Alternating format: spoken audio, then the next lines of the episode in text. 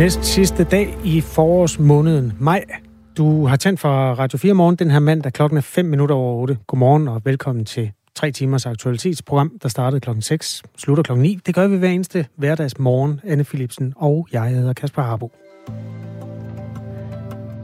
Den danske asylaftale med Rwanda er blevet sat i et nyt lys, det skriver Jyllandsposten i dag. Det sker efter, at Storbritannien i april indgik en lignende aftale om at samarbejde med Rwanda på asylområdet. Den danske asylaftale har til formål at flyve stort set alle asylansøgere, der når frem til den danske grænse til Rwanda, mens deres sag bliver behandlet.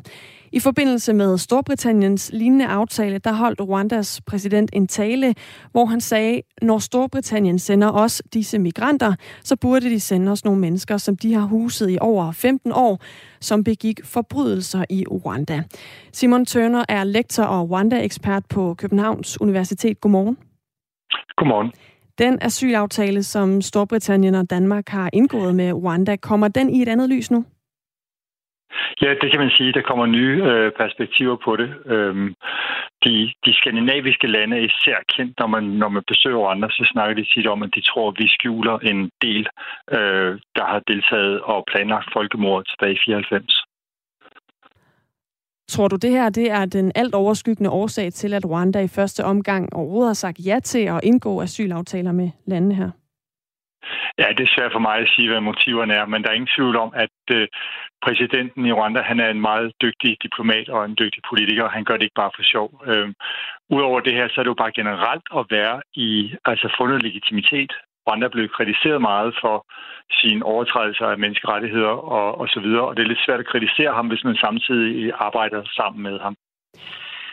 Nu er det jo ikke sikkert, at alle lige husker øh, præcis øh, den her konflikt sådan meget tydeligt, så kan du sætte nogle ord på, hvilken rolle har Danmark og danskere spillet i, øh, i krigen i Rwanda? Danmark som sådan har ikke spillet en stor rolle, øh, men, men man kan sige, og der har regeringen i Rwanda jo ret, at det, det internationale samfund svigtede voldsomt tilbage i folkemordet. Man kunne have gjort mere. Og den regering, der sidder nu, har jo faktisk været med til at stanse folkemordet. Så de har lidt et horn i siden på det internationale samfund. Og så har der jo faktisk været en del, der er flygtet til, altså dem, der var med til at begå folkemordet tilbage i 94, som, som sidder nu stadig i eksil i, i de skandinaviske lande og i Tyskland. Hæng lige på, Simon Turner, lektor og Rwanda-ekspert på Københavns Universitet, fordi Grunden til, at vi også taler om det her, det er jo fordi, det er spørgsmålet nu, om det kan komme på tale, at Danmark skal udlevere personer til Rwanda. Tidligere har man øh, udleveret personer til Rwanda sigtet i forbindelse med folkemordet i 1994, men der findes også en person i Danmark, som Rwanda gerne vil retsforfølge i forbindelse med folkemordet, men som Danmark ikke vil udlevere på grund af manglende bevis. Han hedder Sylvain Ahoguase og er øh, din klient, Bjørn Elmqvist, advokat. Godmorgen. Godmorgen. Gør det der utryg, at Rwandas præsident i den her tale, som jeg nævnte før, har sagt, at udlevering af personer til Rwanda fra Storbritannien har betydning i forhold til den her asylaftale? Ja, både og vil jeg sige, fordi fra dansk side har vi jo på det seneste udleveret øh, personer til retsforfølgning dernede. Øh, jeg har haft et par klienter, der er kommet afsted, og som har sager, der kører dernede. Det er blandt en, som også var dansk statsborger. Så øh, der kan man sige, at der har Danmark ikke, øh, øh ikke afvist det, fordi man sagde, at retssystemet dernede ikke var, var, var tilstrækkeligt retfærdigt. Øh, det var nu min indvending, fordi der er tegn i sol og månen på, at øh, man ikke får en, en helt retfærdig rettergang. Det er jo et, et, et, et åbent sår stadigvæk øh, med folkedrabet tilbage i 94. Og når vi tænker på, hvor mange år det tog i Danmark at, at finde, finde tilbage til, til, til, til, til den rette balance efter den tyske besættelse fra 40 til 45, så kan man godt forstå, at det er svært for, for Rwanda.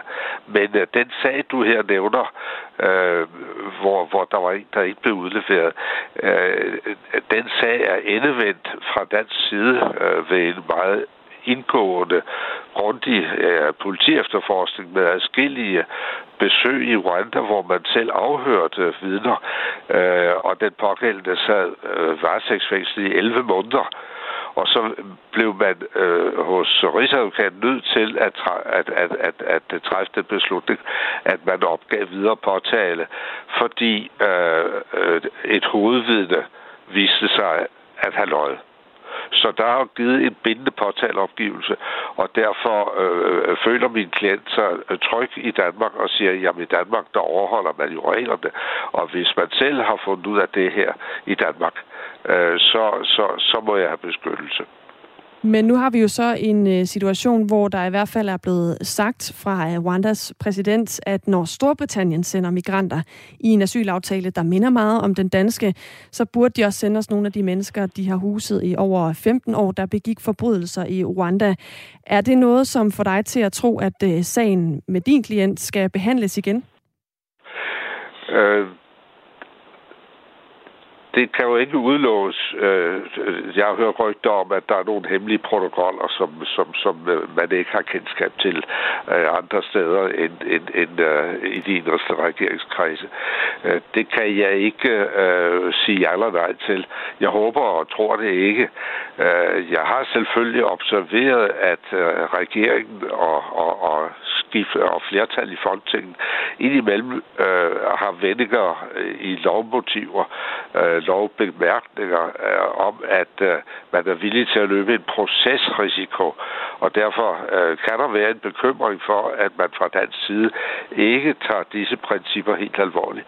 Men her er der ikke tale om internationale forpligtelser, her er der tale om interne principper, og hvis man har foretaget en, en, en bindende påtaleopgivelse, øh, så er det altså lige så godt som en frifindende dom. Og, øh, og, og det henholder min klient sig til, og det vil jeg da også fastholde på hans vegne, så frem det skulle blive aktuelt at, øh, at, at, at drøfte med myndighederne øh, hans videre fremtid. Og din klient er sigtet i Rwanda for mordet på 25 mennesker ved folkedrabet i 94. Bjørn Elmqvist, hvordan skal Danmark forholde sig, hvis Rwanda i den kommende tid vil forsøge at lægge pres på Danmark i forhold til at få udleveret lige netop din klient? Ja, så må man der forklare, øh, hvordan de danske regler er. Og det er regler, der også er kendt andre steder selvfølgelig i retsstater. Øh, og, og det har man også gjort tidligere, øh, før det her overhovedet kom på tale med, med øh, en asylaftale med Rwanda.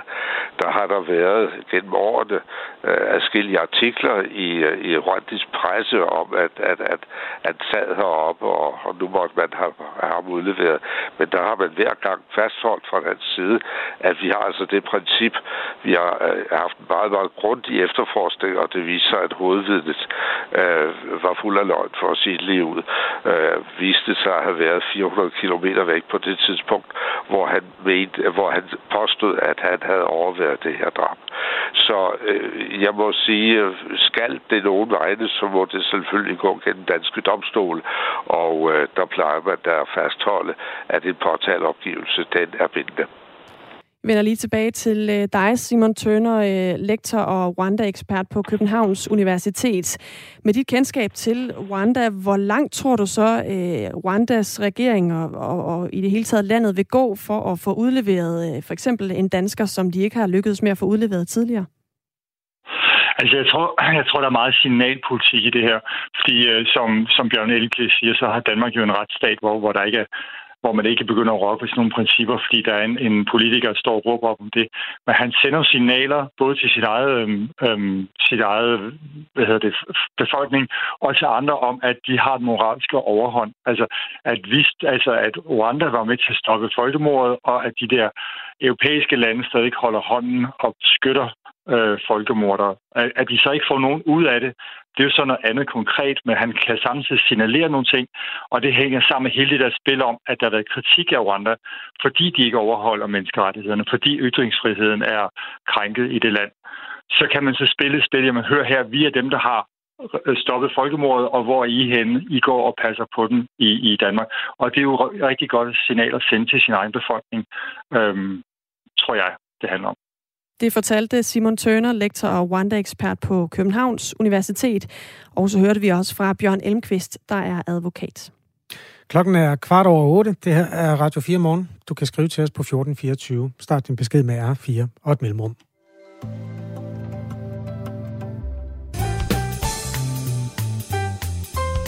Nå. Ja, så er det altså fødselsdagsquiz-tid.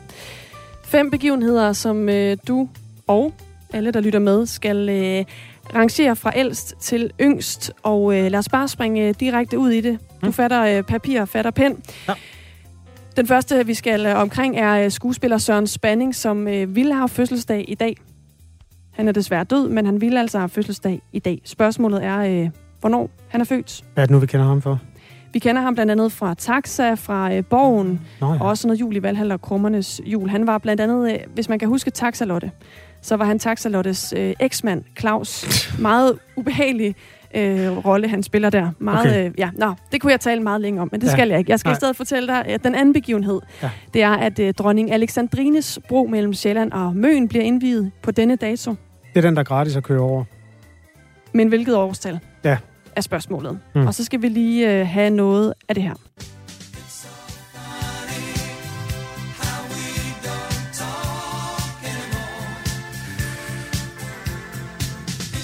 Ja, det er øh, Cliff Richard. Og det, jeg vil sige, det her det er en af dem, den er lidt svær, hvis ikke man er en Cliffer, Mm. altså en øh, inkarneret fan. Men i dag, eller på denne dato, der udsender han single nummer 100.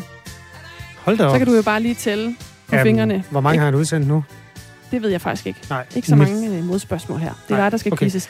Cliffs single nummer 100. Yes. Så er det også på denne dag, at øh, Spanien bliver medlem af NATO. Hold da. Og så er der også ham her. Bossen. Bossen giver koncert på Gentofte Stadion. Han spiller snart i Danmark igen. Det er der ikke så længe til, ja. Ja, det er altså det, du skal, du skal rangere i dag. Der var ikke nogen, der sagde, at det skulle være nemt, vel? Nej, og Nej. Gentofte Stadion, det var spøjst. Ja, det overraskede også mig, da jeg læste det. Altså, det må være længe siden. Øh, jeg tror... Jeg tror... Øh, hvad tror jeg egentlig? Jeg tror, at vi begynder hele tidsrejsen. Den fantastiske rejse gennem de her fem mærkedage med at indvige øh, dronning Alexandrines bro, øh, som Yes. forbinder Møn og Sjælland. Det er rigtigt. Det er 100 i 1943. Og jeg skulle lige til at sige 40. Nej, skulle jeg da ikke have sagt det. Nå, Ja, pyt med det. ja, det er rigtigt. Det er den ældste begivenhed på dagen i dag. Så kan jeg forestille mig, at... Øh, åh, hvornår kom Spanien med i NATO? Det var nok i 50'erne engang. Så er det spørgsmålet om, hvornår så... Jeg tror, at Spanien kom i NATO. Nej, Nå, er nej, det var noget med Franco. Nej, ja, uh, ja, nej. Vi skal længere op der. Nej, så, så er det sådan en spænding. Det er Søren Spanning. øh, Han være øh, hans minde. er født i 1951 og døde så desværre i 2020, og var altså kendt fra øh, Taxa og Borgen og Jul i Valhall og andre, mange andre ting. Så prøver jeg med Spanien i NATO. Det er Spanien. 1982 bliver de medlem af NATO. Og de skulle af med Franco først, simpelthen. Det er det. Meget op i tiden med sådan en, øh, et NATO-medlemskab der. Nå, jamen, de havde ikke glemt, hvor, hvor langt væk fra os Spanien var dengang. Der er, øh, ja, det er et ferie, en ferienation, men der er, øh, der er også mange ting, der ikke ligner Danmark i Ja. Spanien. Det kan man Mm. sige. Særligt under... Nå, godt. Øh, så spørgsmålet er, om Cliff Richard udgav sin single nummer 100 før eller efter, at Bruce Springsteen spillede på Gentofte Stadion. Det, det, det ved alle jo. Ja, det er jo næsten uafgjort, men jeg vil faktisk tro, at Cliff Richard, han er jo... Øh, han har jo været der i noget tid, men det har Bruce Springsteen jo også. Nej, hvor er det svært. Aner det ikke. Øh, Cliff Richard udgiver single nummer 100, It's So Funny, Cause We Don't Talk Anymore. Det er faktisk, nu, det er faktisk ikke den, jo bare fordi jeg synes, det var en god Cliff Richard sang. Men det er det rigtige svar. Okay, I Tak. 1989 udgiver han uh, single nummer 100. Hvorimod øh, Bruce Springsteen jo først lidt senere spillede på Gentofte Stadion. Skal jeg så gætte, hvornår det var? Det var må i 94. Det var 93. Ja, jeg tænkte Det var tæt på. Okay. Flot. Jeg synes, det var hederligt. Det var ikke verdens nemmeste quiz. Hvor mange rigtige havde jeg? Jeg havde fire, havde jeg ikke? Der var kun én fejl, det var Ja, Spanien. ja, det er rigtigt nok. Jamen, tillykke til øh, Alle Særligt implicerede folk- parter. jer folk, der kan komme til Møn. Det er bare et dejligt sted. Nu er klokken 19 minutter over 8.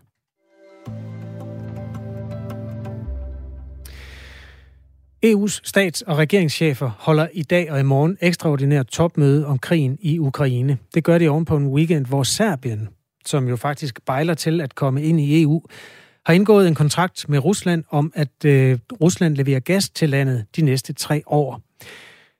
Hvordan ser det lige ud i forhold til det europæiske sammenhold i den her tid, hvor Rusland jo er sådan en form for erklæret fjende af EU?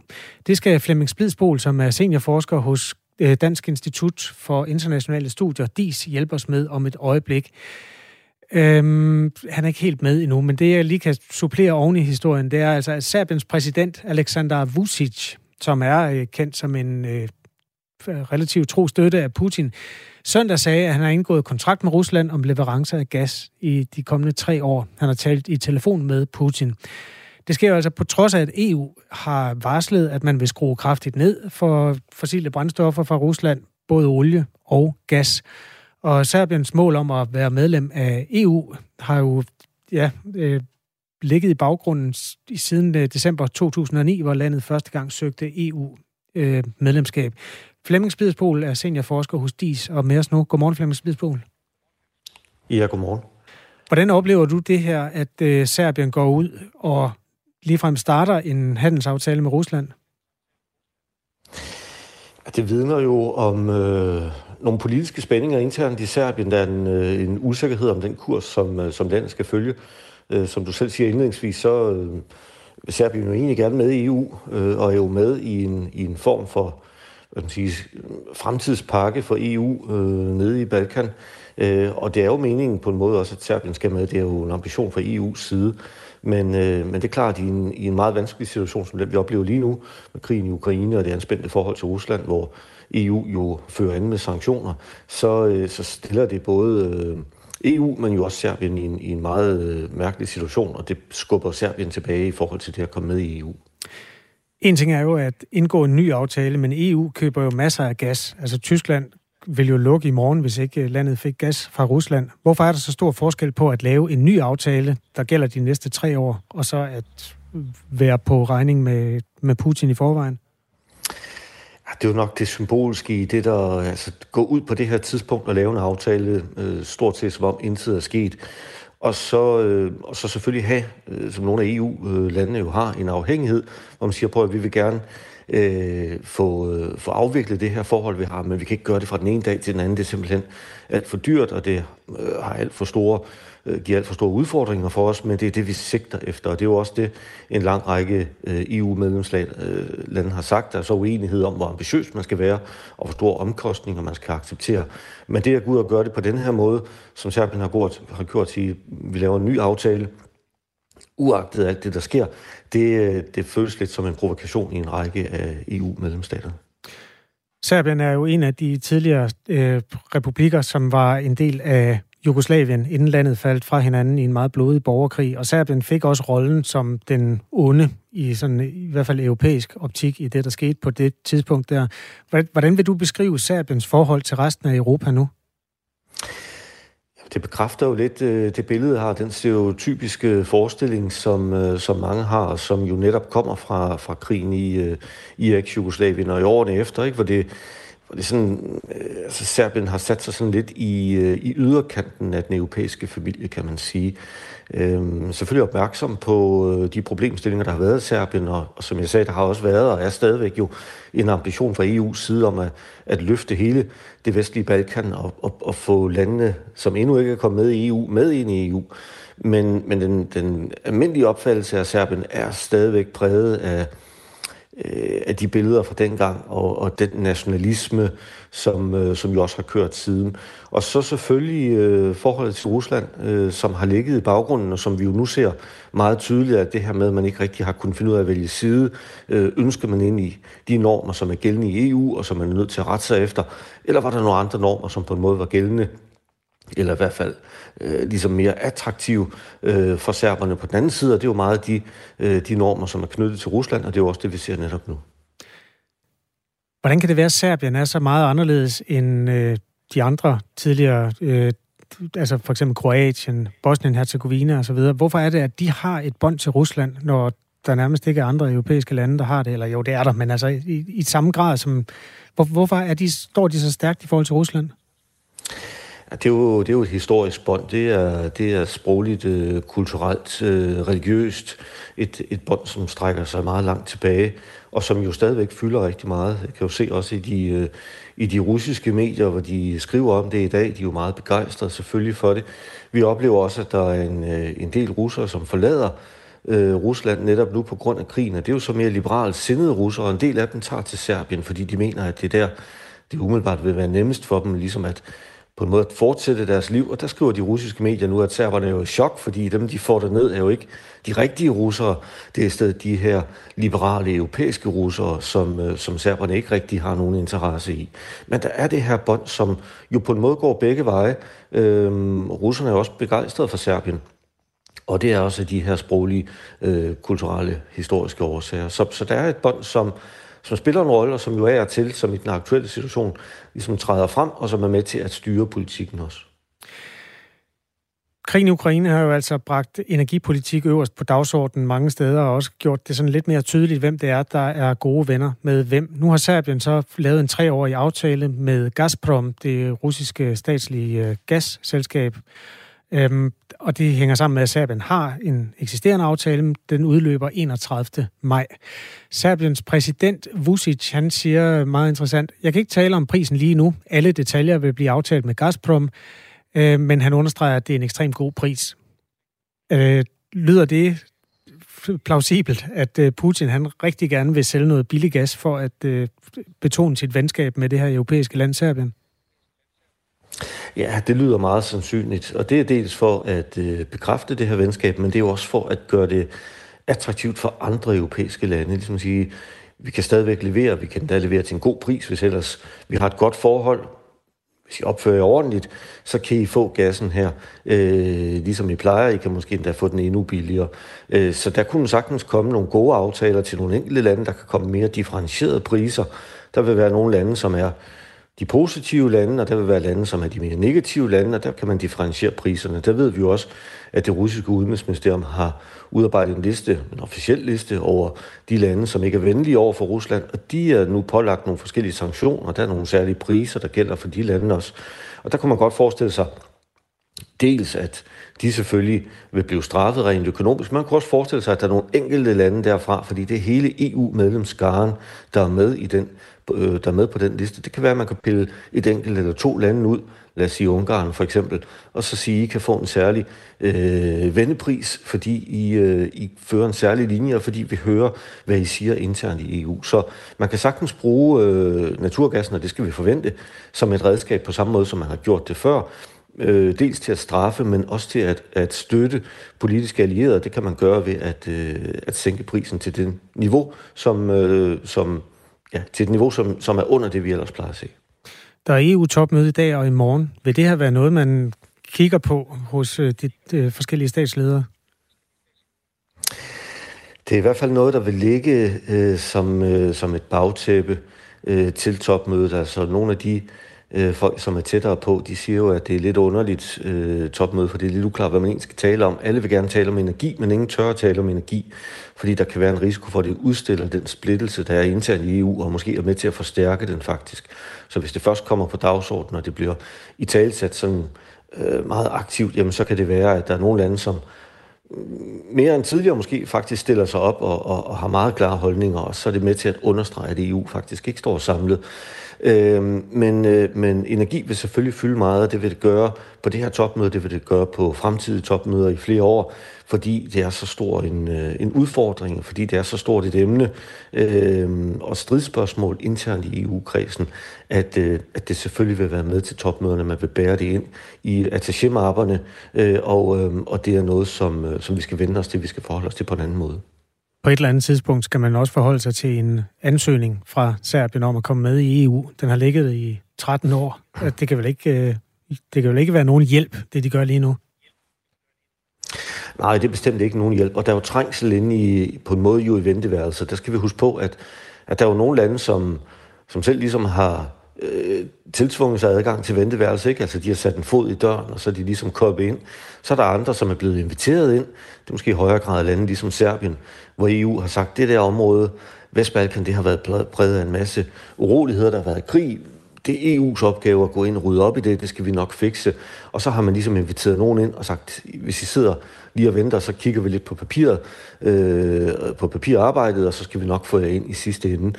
Men nu er der jo nye lande, som også vil med, og de er jo også ambitiøse. Det er jo først og fremmest Ukraine, øh, som jo har fået medvind i forhold til EU-medlemskab på en helt anden måde, end de har haft tidligere. Men det kan også være Georgien, og det kan være Moldova, det kan være Armenien måske på et tidspunkt kommer. Så nogle af de her lande fra det tidligere Sovjetunionen, som, øh, som også gerne vil med ind, så der kan godt komme trængsel i venteværelser. Det kan være problematisk for, øh, for et land som Serbien, som måske ikke er ubetinget begejstret eller ubetinget øh, klar til at øh, omlægge blandt andet nogle af de her normer og hele sit system, det der skal til for at komme i EU. Det kan være, at der er andre lande, som for eksempel Moldova, som er meget hurtigere, og, øh, og, og på den måde, så kan det være i sidste ende en udfordring for, for Serbien. Det sagde Flemming Splidsbol. Tak skal du have. Jamen selv tak. Seniorforsker hos, øh, hos DIS, altså Dansk Institut for Internationale Studier. Og om et kvarters tid, der skal vi øh, tale med Søren Dosenrode, som er EU-ekspert og professor ved Aalborg Universitet. Og det skal vi, fordi vi har sat tid af til at øh, få svaret på de spørgsmål, du, som lytter med, sidder med ude ved øh, højtalerne og undrer dig over i forhold til det forsvarsforbehold, som vi alle sammen skal afsted for at stemme om på onsdag. Så send endelig dit spørgsmål afsted, hvis der er nogle ting, der ikke står helt klart for dig i hele den her diskussion om forsvarsforbeholdet. SMS-nummeret er 1424. Nu er der nyheder med Henrik Møring.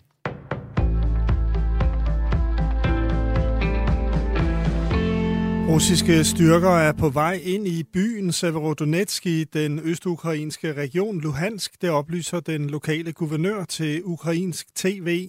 Desværre har vi skuffende nyheder. Fjenden bevæger sig ind i byen, siger guvernøren ifølge Reuters.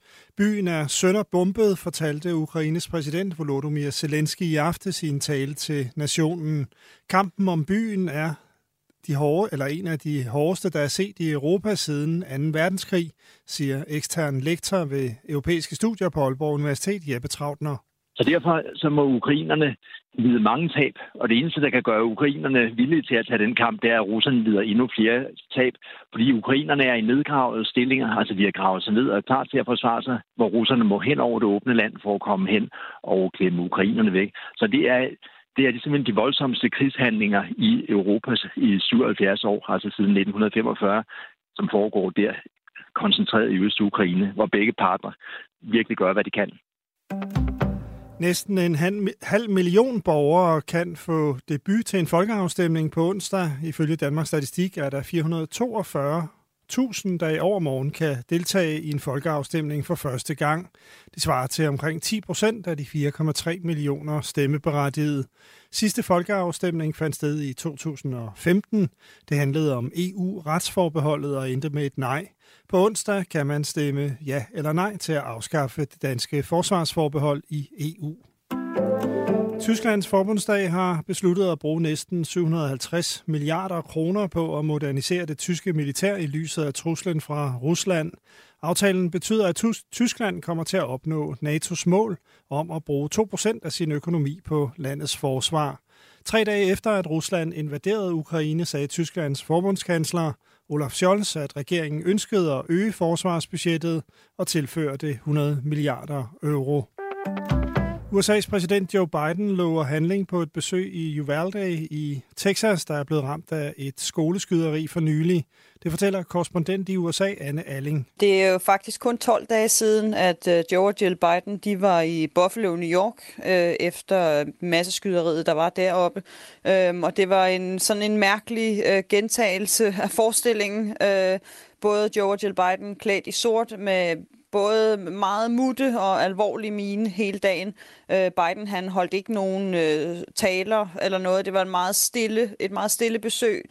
Der var flere fremmødte, der, der råbte mod ham øh, en gang imellem. En råbte, så gør dog noget. Øh, der vendte han sig mod dem og sagde han, at det vil vi, eller I will, sagde han. Øh, hvad det helt præcis er, han vil gøre, det bliver der ikke snakket konkret om. Boligmarkedet er nu for alvor begyndt at køle af, så flere sælgere må sænke prisen. Særligt de dyre kommuner i Nordsjælland og omkring hovedstadsområdet er hårdt ramt, skriver børsen. I Rudersdal og Gentofte er andelen af huse med prisnedslag næsten fordoblet til 39 procent af det samlede udbud.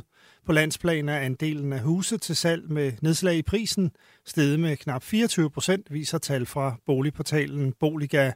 Ifølge boligøkonom Lisa Nytoft Bergmann fra Nordea er også ejerlejlighederne under pres. Skyder især i den syd- og østlige del byer, der i eftermiddag kan være kraftige og med torden 12-16 grader og jævn, svag til jævn vind fra forskellige retninger.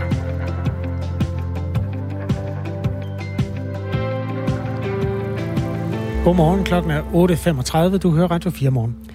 Forventes man som forældre at deltage i for mange forældrearrangementer, når man har børn i folkeskolen? Det er en debat, vi har taget op her i Radio 4 morgen i dag. En af dem, der mener, at det er tilfældet, er sociolog og ekspert i forældre- og skole-hjem-samarbejde, Maria Ørskov Akselvold. Der er en hel del forældre, der hverken har overskud eller lyst til de her trivselsarrangementer, og at de synes, der er blevet alt for mange af dem. Grunden til, at jeg stiller spørgsmålstegn ved det, det er, at øh, vi ved faktisk ikke så meget om, hvad de gavnlige effekter er. Altså, der er ikke noget øh, forskningsmæssigt belæg, så vidt jeg kan se, for at forældrefester og hytteture og legegrupper skulle gavne trivselen over i klassen på den måde, som vi tror. Den samme oplevelse har Adam Ørvad. Han har en datter i 5. klasse i Tornby. Og på grund af de mange forskellige forældrearrangementer, så har hans familie valgt helt at sige fra. Derfor er det rigtig vigtigt for os, at vi selv vælger, hvad vi bruger vores fritid til. Og der føles det meget provokerende, at skolen i høj grad går ind og øh, gerne vil have en mere flydende grænse over, hvad for en tid de bestemmer over, og hvad for en tid vi bestemmer over, for at sige det sådan helt, helt øh, firkantet. Og hvis man spørger sociolog Maria Ørskov Akselvold, så bør en del af løsningen ligge hos de mange skolebestyrelser i landet. Jeg mener jo, at skolen skal måske tage noget af det her ansvar tilbage, og at skolen skal sætte rammerne og sige, det er de her arrangementer, vi holder, og det her er rammerne, og det må ikke koste penge, og det skal være enkelt, og alle sådan nogle ting, der gør, at det er, er let at deltage. Godmorgen, Rasmus Edelberg. Godmorgen formand for Skole og Forældre, som er en landsorganisation for skolebestyrelser og forældre i den danske folkeskole. Der bliver brugt unødigt mange kræfter og meget tid på forældrearrangementer, som det forventes, man deltager i, når man har børn i folkeskolen. Er det en kritik, du gerne vil tage på dig? Det er i hvert fald øh, relevant at forholde sig til, om man har afstemt forventninger, og forældre og skole ligesom øh, ved, hvordan og hvorledes det fungerer øh, på skolen, og hvad man forventes at være med til. Og det er enig i, at det er noget, som, øh, som skolebestyrelserne med rette kan tage op. Altså, hvordan er det, vi samarbejder? Hvordan er det, vi involverer forældrene? Og, og hvordan kan forældrene vide, hvornår det ligesom er godt nok? Altså, hvor meget er det, man skal være med til, så man ligesom har gjort det godt nok, så man ikke føler sig stresset og sådan noget. Jeg synes, det som, som Maria Axel øh, er inde på omkring, at øh, forældre øh, kan føle sig stresset, og der er nogle øh, familier, som, som ikke kan overkomme det og siger helt fra, øh, det, det, taler helt tydeligt ind i, øh, at skolerne bør, bør, bør tage ansvar og kommunikere klart, hvad, hvad det er, man som, øh, som familie og forældre forventer sig at tage del i. Og så kan folk jo arrangere det, de vil ved siden af, øh, kan man sige. Ikke? Men at skolen i hvert fald siger, at hvis man gør det sådan her, så, øh, så, er, man, så er man godt med, og, øh, og det foregår på en måde, hvor det er enkelt, øh, og, øh, og hvor alle kan være med. Og er det øh, skolebestyrelserne, der skal gå ud og gøre det? Ja, skole, her i Danmark der har vi jo de her skolebestyrelser, hvor øh, forældre og elever og ansatte øh, sidder sammen og laver principper øh, for skolens virksomhed og, og kultur og sådan nogle ting. Og, og de værdier, som bærer fællesskabet i skolen, det er, de bliver formuleret i skolebestyrelsen. Og der er det jo helt oplagt at se på det fællesskab, der ligger i skolehjemsamarbejdet. Øh, og øh, de forældre, øh, som har børn i, i den samme klasse, skal jo gerne lære hinanden lidt at kende, så kan man bedre ringe til hinanden, hvis der er problemer, eller hvis der er, man vil lave legeaftaler, eller man ved også mere om, øh, hvem ens børn så ligesom øh, er sammen med, og, og man kan på den måde meget bedre bruge hinanden som en ressource i hverdagen. Så, så det er en god idé at styrke de der forældrefællesskaber øh, i klasserne, og det gør de fleste klasser af sig selv. Men skolebestyrelserne kan så passende lægge en ramme ned over og sige, jamen, hvordan introducerer vi for eksempel nye forældre, når de kommer fra børnehaven, til øh, hvordan vi gør på vores skole, og hvordan samler vi op øh, øh, i, i der midt på skolen, og hvad er det for nogle arrangementer, vi har i udskolingen, og øh, hvordan er det, vi arbejder med alkoholpolitik og så videre for de ældre børn, hvis det er nødvendigt. Øh, så, så den form for, øh, for principper, det er typisk skolebestyrelsen, der gør det, og det, det synes jeg, det er helt oplagt. Det er der også mange, der gør ved her. Det her det er også en debat, som øh, giver nogle sms'er ind på vores øh, nummer 1424. Der er en lytter, der skriver, jeg havde to børn i folkeskolen. Den sidste afslutter 9. klasse. Jeg er kun med til en skolehjemsamtale en gang om året, hvor det handler direkte om mit barn. Begge børn har stort set nul fravær og ingen problemer socialt eller akademisk. Jeg og hverken mine børn har ingen, intet behov for at kende de andre forældre. Rasmus øh, Edelberg, når man hører sådan et input her, så er det jo også et spørgsmål om overhovedet at, at diskutere, om det har en værdi i det hele taget, at man øh, vælger at lave de her ekstra arrangementer, ud over det, som er sådan i rent faglig regi, som for eksempel skolehjemsamtaler. Mener du, det har en værdi? Ja, det mener jeg helt bestemt, det har. Og det kan godt være, at der ikke er så meget forskning, øh, der viser det. I hele taget har vi forbløffende lidt forskning øh, omkring øh, forældrefællesskaber og folkeskole, hvilket kan overraske øh, også mig, ligesom det overrasker Maria. Øh, eller ved ikke, om det overrasker hende, men hun har i hvert fald fundet ud af det, siger hun. Øhm, og, øh, og vi er jo forskellige som familier og forældre, og at der er nogen, der ligesom melder ud og siger, at vi har ikke det behov, det synes jeg er helt fair. Øh, men det er helt afgjort min og, og mange andres erfaring, at øh, det, at man kender øh, sit barns klassekammeraters forældre bare en lille smule, øh, det gør altså mange ting lettere. Så øh, kan man tale sammen. Man kan også skabe øh, nogle muligheder for børnene til at lære hinanden at kende. Øh, og man kan, man, ja, der, der er i hverdagen er der, er der tit øh, øh, god øh, værdi i, at, øh, at man lige kan, kan gribe telefonen og, og ringe til hinanden, hvis der er sket et eller andet i skolen, man gerne lige vil have belyst fra den anden side også, øh, hvis man gerne vil øh, lære hinanden at kende, øh, sådan så man ved, hvem, hvem er det ens barn er hjemme hos. Øh, og der er mange forældre, der, der synes, at det giver, det giver tryghed, og det giver værdi. Og, øh, og jeg tror også, at det, det hjælper også børnene, at de ligesom har været hjemme hos hinanden, og de har en fornemmelse af, at de voksne taler sammen. Øh, det, det skaber tryghed for børnene, tror jeg. Og der er det jo, som du siger, at øh, Maria Ørskov Axelvold siger, der er i hvert fald ikke noget forskning, der, der beviser det. Så hvor sikker er du på, at det her det er tilfældet, altså at det har den værdi, som du nævner her? Jamen, det er erfaringsbaseret øh, på, på de samtaler, jeg har med, med forældre øh, i øh, forskellige skoler. Det kan jo både være øh, landsbyskoler, eller storbyskoler, eller øst og vest og nord og syd, øh, land og by. Så, så det, er jo, øh, det er jo meget forskelligt, og det er en ret øh, sådan enslydende, tværgående erfaring. Og, øh, og hvis man kunne lave noget god forskning omkring det, hvordan gør man det på en god måde, så, så er vi øh, meget interesserede i at, at høre om sådan nogle projekter. Vi har selv lavet et projekt, der hedder Lær med familien, som handlede om, hvordan kan lærerne øh, involvere forældre på en god måde, der ikke stiller for store krav, og hvor alle forældre kan være med på lige vilkår. Altså at give børnene nogle, nogle hjemmeopgaver. Det kunne være tale om, hvad for noget mad I godt kan lide, eller lave mad sammen, og så fortælle om det senere. Det kunne være, det kunne være sådan noget, for eksempel. Øh, og på den måde kan man, kan man øh, få alle børnenes øh, erfaringer og familiers erfaringer i spil, og børnene føler så, at, øh, at deres liv på en eller anden måde hænger sammen. Altså det, de laver i skolen, og noget af det, de laver derhjemme, det kan bidrage med hinanden, øhm, og de kan tale med deres forældre om det. Og det, det, det, det kunne være en god måde at gøre det på. Hvorimod andre måder. Øh, for eksempel den her øh, lidt udskældte øh, med, at, at der skal føres lister derhjemme, men man skal læse 20 minutter hver dag øh, og føre lister over det, øh, som man gjorde for et par år siden, og måske stadigvæk gør nogle steder.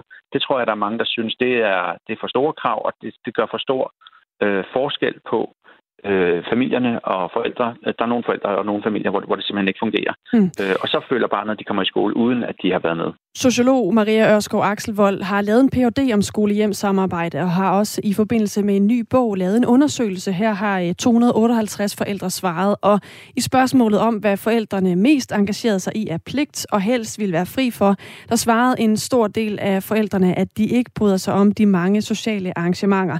Der var også forældre, der synes det er hyggeligt, men dem var der ikke nær så mange af. Rasmus Edelberg, hvad vil du som formand for Landsorganisationen af skolebestyrelser gøre for at gøre det mere lige til for de danske forældre og have et forældresamarbejde, som ikke tager overhånd? Jeg vil øh, tilbyde landets skolebestyrelser øh, øh, kurser og undervisning i, hvordan er det, man sætter rammer for det gode forældresamarbejde. Det gør vi allerede. Øhm, og så vil jeg jo, øh, der hvor jeg har taler med skolebestyrelser eller andre øh, skoleledere osv., så, vil vi så vi tale om, hvordan er det, øh, vi arbejder med det gode forældresamarbejde, sådan så forældrene synes, der er værdi i det. Og vi er jo ikke på den måde er ude på at, at, at stresse nogen eller, øh, eller lægge op til, at man skal lave noget, man ikke synes giver værdi. Heldigvis er det sådan, at de fleste klasser jo organiserer det selv, øh, og, man, og vi lever et frit land, så man kan jo sige fra. Øh, og der er nogen, der er glade for det. Men jeg synes, det er vigtigt, at skolerne tænker over, hvordan er det, vi gør det, sådan at forældrene føler, at det her er på et passende niveau, og de ved, hvornår det er godt nok. Og når man har fælles forældrearrangementer, så gør man det øh, på en måde, hvor alle kan være med. Så er der også den del, der handler om øh, skolehjem, samtalerne, altså hvor det kun handler om ens eget barn. der siger de fleste forældre, at de kunne godt tænke sig at have to samtaler i hvert fald. Nu havde vi et eksempel før, hvor det kun var én samtale. Altså, de fleste forældre kunne godt tænke sig, at der var en i starten af året og en i slutningen af året. Så man ligesom havde fornemmelsen af, hvad var der sket i løbet af året. Så det ville også være en af de ting, vi vil opfordre til. Nu siger du, at de fleste klasser øh, arrangerer meget af det her selv. Hvis det er tilfældet, hvor meget effekt vil det så have, at I fra skole og forældres side går ind og laver nogle øh, rammer eller anbefalinger til bestyrelserne? Ja, det vil jo vise sig, kan man sige. Øh, tror du, det vil have en effekt? Ja, det tror jeg bestemt, det har. Altså, vi så, der er skolebestyrelsen gik ind og tog et ansvar, for eksempel for at lave principper for øh, antimobbestrategi, altså arbejdet med trivsel. Øh, der, der stod det meget stærkt igennem ude på skolerne, og, øh, og forældrene bliver meget bevidste om, øh, hvad det er for nogle sociale dynamikker, der foregår i klassen. Øhm, og det samme gjorde de ansatte, og der var mange skoler, der involverede eleverne også. Og på den måde, der fik man nogle vir- virkelig gode samtaler ud i klasserne, som så fødte tilbage til arbejdet med de fælles principper, som så blev formuleret og, og på den måde blev, blev aktualiseret og revitaliseret ude på skolerne af, hvordan arbejder vi med fællesskab og trivsel her på vores skole. Det giver en følelse af forankring og fællesskab, og jeg er helt sikker på, at, at den form for arbejde kunne man også lave øh, i forhold til skolehjemsamarbejdet og, og sociale arrangementer. Det sagde Rasmus Edelberg, formand for øh, skole og forældre. Godmorgen, mor til fire skolebørn og en mand, der er selvstændig. Vi drukner i arrangementer. Det er stort set et fuldtidsarbejde bare at skulle holde styr på, hvad og hvornår. Det er enormt stressende. Jeg nød at slippe for det under corona, er der en lytter, der har skrevet ind her. Der er også post fra den gamle lektor, som også er en gammel morfar. Han skriver, bedsteforældre er også en vigtig del af aktiviteterne i børnehaver og skoler. Som glad morfar til syv børnebørn er det altid en fest øh, og udfordrende, når vi halvgamle sidder med en saks i den ene hånd og en kop kaffe i den anden, med et for vores alder og hørelse ganske betragteligt lydniveau til påske, jul eller andre klippearrangementer. Men skønt er det, og det giver en god lang lur bagefter. Lyder det fra morfar, som analyserer situationen fra et øh, mere ressourceorienteret perspektiv. Nu er klokken 8.46.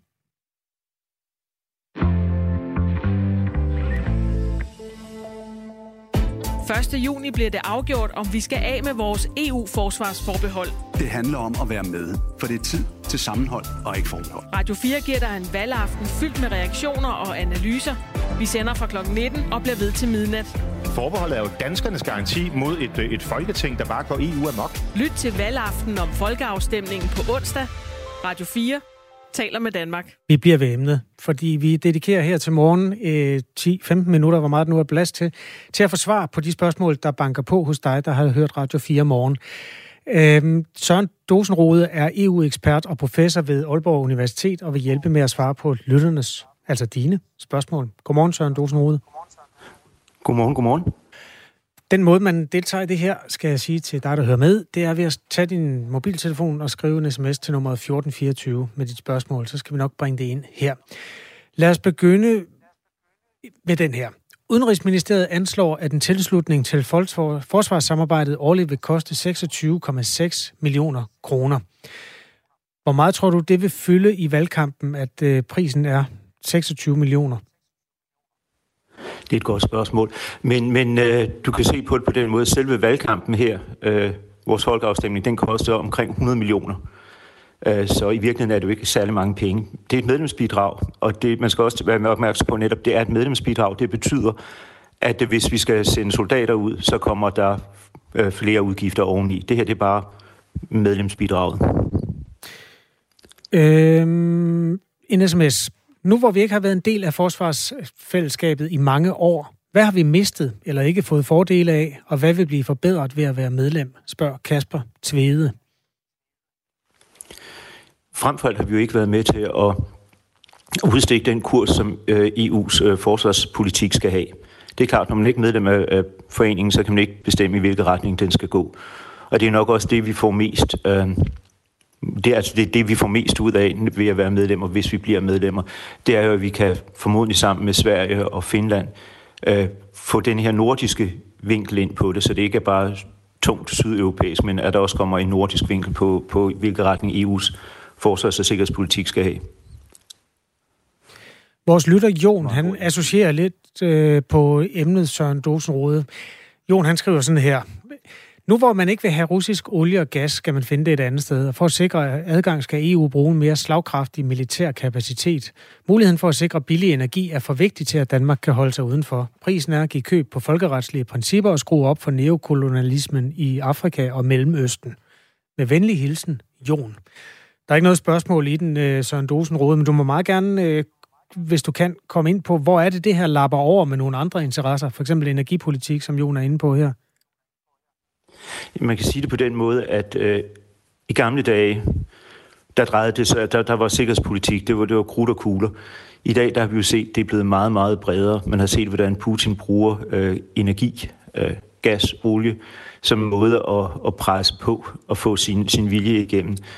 Øh, Angela Merkel prøvede i en periode at sige til os alle sammen, at Nord Stream 2, altså den her gaskanal, Øh, gaslinje fra, fra Rusland til, til Tyskland, at det var ren og skær øh, økonomi. Men det er jo helt klart, hvis man ikke så det dengang, så ser man i hvert fald nu, at den, der kan lukke eller åbne for, for gas og energi generelt, øh, sidder med nogle meget stærke kort på hånden. Har det nogen relevans i forhold til, om vi er fuldblåen medlem af det her EU-forsvarssamarbejde, øh, eller ej, i forhold til den, altså Danmarks adgang til energiressourcer? Du skal have en mellemregning med der, og det er netop fordi øh, EU lægger jo en udenrigs- og sikkerhedspolitik, øh, som vi ikke er med til at lægge linjen i. Og der, der har man jo så sagt i høj grad, at nu skal man øh, prøve at blive energifri. Øh, eller undskyld, fri for, øh, for, for russisk energi. Mm. Så på den måde, så har det en betydning, men det er ikke sådan, at du kan sige, at der er en en-til-en betydning. Helt klart ikke. Der er en lytter, der hæfter sig ved, at du brugte udtrykket den nordiske vinkel. Hvilken kurs er den nordiske vinkel, Søren Dosen Rode? Jamen, vi er nok i virkeligheden dem, der, der satser meget på demokrati, satser meget på selvbestemmelse, øh, den slags ting i, øh, uden, uden, for, uden for EU også. Det står faktisk i EU-traktaten, at vi skal øh, fremme demokrati i verden. Og øh, det er sådan noget, som de nordiske stater i høj grad lægger vægt på. Øh, måske mindre end, end øh, de sydeuropæiske stater, men det er en af de ting, som, som vi, vi godt kan lide. Bo, øh, Bo i Fredericia, han spørger, kan afskaffelsen af forsvarsforbeholdet være et startskud til et mere distanceret forhold til NATO i fremtiden? Jeg vil mene, at EU selv skal forsvare sig mod eventuelle fjender med et afskaffelse af forbeholdet skriver Bo, og spørger altså om, om det vil, vil bringe en kile ind i forhold til, til NATO. Jamen, det tror jeg ikke. Øh, fordi der, der er en arbejdsdeling mellem NATO og, og EU.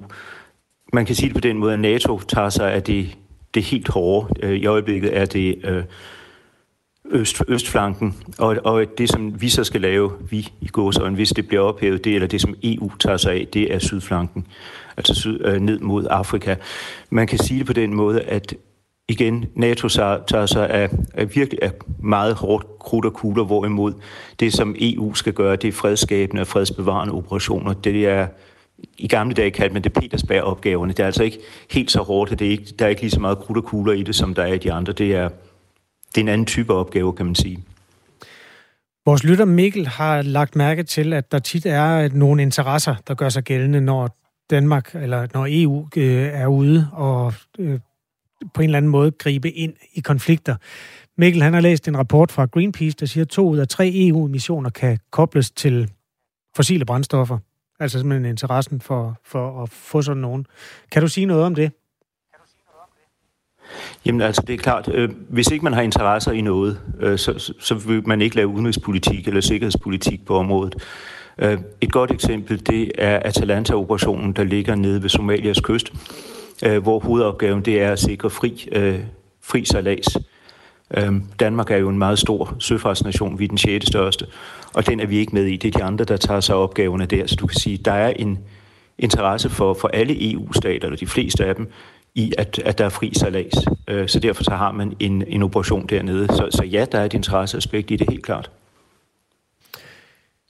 Vores lytter Kim... Men man kan så Nå, også lige for bene en sløjfe til, til øh, det sidste spørgsmål, at øh, det, der også er interesse i, det er nemlig at udbrede fred og sikkerhed. Øh, og det betyder jo, mener EU, at øh, når man udbreder fred og sikkerhed, så får man netop fred og et roligt, øh, rolige omgivelser, hvad der altid er godt i, i udenrigspolitik, som vi ser lige netop i øjeblikket, at vi ikke har. Søren Dosenrode hjælper os altså med øh, spørgsmål, der knytter sig til den afstemning, der finder sted på onsdag, hvor vi skal tage stilling til, om vi vil beholde det forbehold, der betyder, at Danmark øh, ikke tager del i de militære operationer inden for EU-regi. Det er Søren Dosenrode, der er EU-ekspert og professor ved Aalborg Universitet, der svarer på de sms'er, der kommer ind på nummer 1424. Vores lytter Kim, han skriver, når Trump bliver præsident i 2024 og ret hurtigt giver NATO fingeren, hvor står Europa så? Er der nogle muligheder? Det var det, som Angela Merkel sagde at øh, for, for to år siden, at nu bliver Europa nødt til at tage, tage, sin, egen, tage sin skæbne i egen hånd. Netop fordi øh, Trump meget altså startede ud med at, at, at så tvivl om det, der hedder paragraf 5 i øh, NATO-pakten, der simpelthen siger, at øh, et angreb på en stat er et angreb på alle stater. Og det ville han ikke øh, umiddelbart sige ja til. Der gik lang tid, meget lang tid, flere uger før han sagde, når ja, sådan er det måske nok. Og det viste jo europæerne, at øh, den amerikanske allierede måske er der, og måske ikke er der. Og det fik blandt andet Macron og Tyskland til at tage, altså Frankrig og Tyskland til at begynde at sige, nu må vi måske selv gøre noget mere, end vi har gjort hidtil. En lytter spørger sådan her. Vil et fuldstændigt EU-forsvar betyde en mere krigerisk migrantpolitik mod syd? Jeg tror ikke, det har noget som helst at gøre med forsvaret. Øh, forstået på den måde, at dem, der tager sig af migranterne, eller hvad man nu, hvordan man nu skal sige det, det er det, der hedder Frontex, der er et, øh, nok bedst skal sammenlignes med et grænsepoliti. Så, så forsvarssamarbejdet vil ikke umiddelbart have betydning for det. Og så dog alligevel, fordi der er nogle øh, operationer, eller missioner der i, i Nordamerika, i Nordafrika, hvor ideen er at være med til at stabilisere for eksempel Libyen, øh, således at øh, det bliver mere attraktivt at bo i landet, og derfor at der ikke kommer, øh, kommer så mange flygtninge. Så indirekte vil det måske alligevel være et ja, men ikke direkte. Tidligere var du inde på, at øh, energipolitik for eksempel er et geopolitisk våben, og det får en lytter til at stille det her spørgsmål. Bruger EU ikke også sin handelspolitik som et geopolitisk våben? Jo, det kan man godt sige. Våben, mm, jo. Forstået på den måde, at der er noget, der hedder øh, konditionaliteter. Når man laver aftaler med EU, for eksempel hvis man vil have udviklingsbistand, øh, så kan man kun gøre det, hvis man samtidig lover at fremme demokrati, øh, good governance og den slags ting. Retsstatlighed, altså de der værdier, som EU bygger på. Øh, og det er jo ikke alle stater, der er umiddelbart interesseret i det, så på den måde kan man godt sige, at det er et, et våben, som EU bruger der. Et trykmiddel, pres. Ja, virkemiddel. Øhm, jeg tror lige, der er en enkelt her. Hvilket ansvar har NATO for lande, der ikke lever op til NATO-aftaler før 2032? Det er selvfølgelig ikke et EU-spørgsmål, men et sådan lidt polemisk øh, tilgang til, at vi jo skruer meget langsomt op for forsvarsbudgettet. Hvilket, NATO, altså, hvilket ansvar har NATO der? Jamen, altså, man kan sige, at NATO, ligesom EU's forsvars- og sikkerhedspolitik, er jo mellemstatslig. Og det vil sige, at man kan jo ikke gøre så frygtelig meget. Øh, og det er svært for eksempel også at smide en stat ud af NATO, som man måske nogen har talt om i forhold til, til Tyrkiet. Uh, det er ikke noget, man bare sådan lige kan gøre. NATO øh, er ikke en mellemstatslig, så alle skal være enige om alting. Så på den måde kan man sige, at NATO kan ikke gå ind og for eksempel idømme Danmark bøder eller noget i den retning, men det er da korrekt, at, at det var længe før Danmark er op på de der 2 procent. Nu har man i hvert fald sagt, at man vil være det. Jeg tror, vi kommer rundt om hele flokken af sms'er, der er kommet ind her. Øh, mange tak, Søren Dosmode. En fornøjelse. God dag. Tak lige måde. EU-ekspert og professor ved Aalborg Universitet. I et mere konstaterende afdeling er der en sms, hvor der står, Trump bliver aldrig præsident igen. Det er en umulighed. Så var han blevet genvalgt i 2019.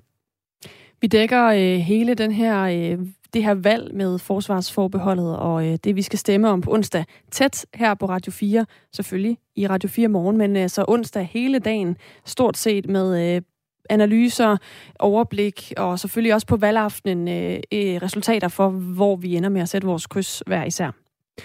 Du kan jo godt øh, allerede nu tage forskud på glæderne. Hvis der er flere spørgsmål, der trænger sig på, så vil vi meget gerne øh, sørge for at søge svar på dem i, i udsendelsen i morgen også. Øh, så altså, skriv ind på sms øh, nummer 1424, hvis du har et sådan mere hvad skal man sige, flere øh, løse ender i forhold til det her. Jeg synes, vi kom godt omkring, og selvom mange af spørgsmålene i virkeligheden handler om NATO, så er det jo også det, der er det bagtæppe, man diskuterer europæisk sådan fremtid øh, indenfor. Jeg var til en, øh, eller jeg var ordstyrer på sådan en debat, hvor blandt andre Christian Friis Bak, radikal øh, folketingskandidat, han deltog, og han sagde, at han er ikke i tvivl om, der kommer en EU her på et tidspunkt. Det store spørgsmål er jo, hvornår. Der er mange spørgsmål, der trænger sig på, og vi belyser dem igen i morgen i Radio 4 morgen. Men øh, det var, hvad vi nåede i dag. Nu er der nemlig nyheder med Henrik Møring klokken er 9.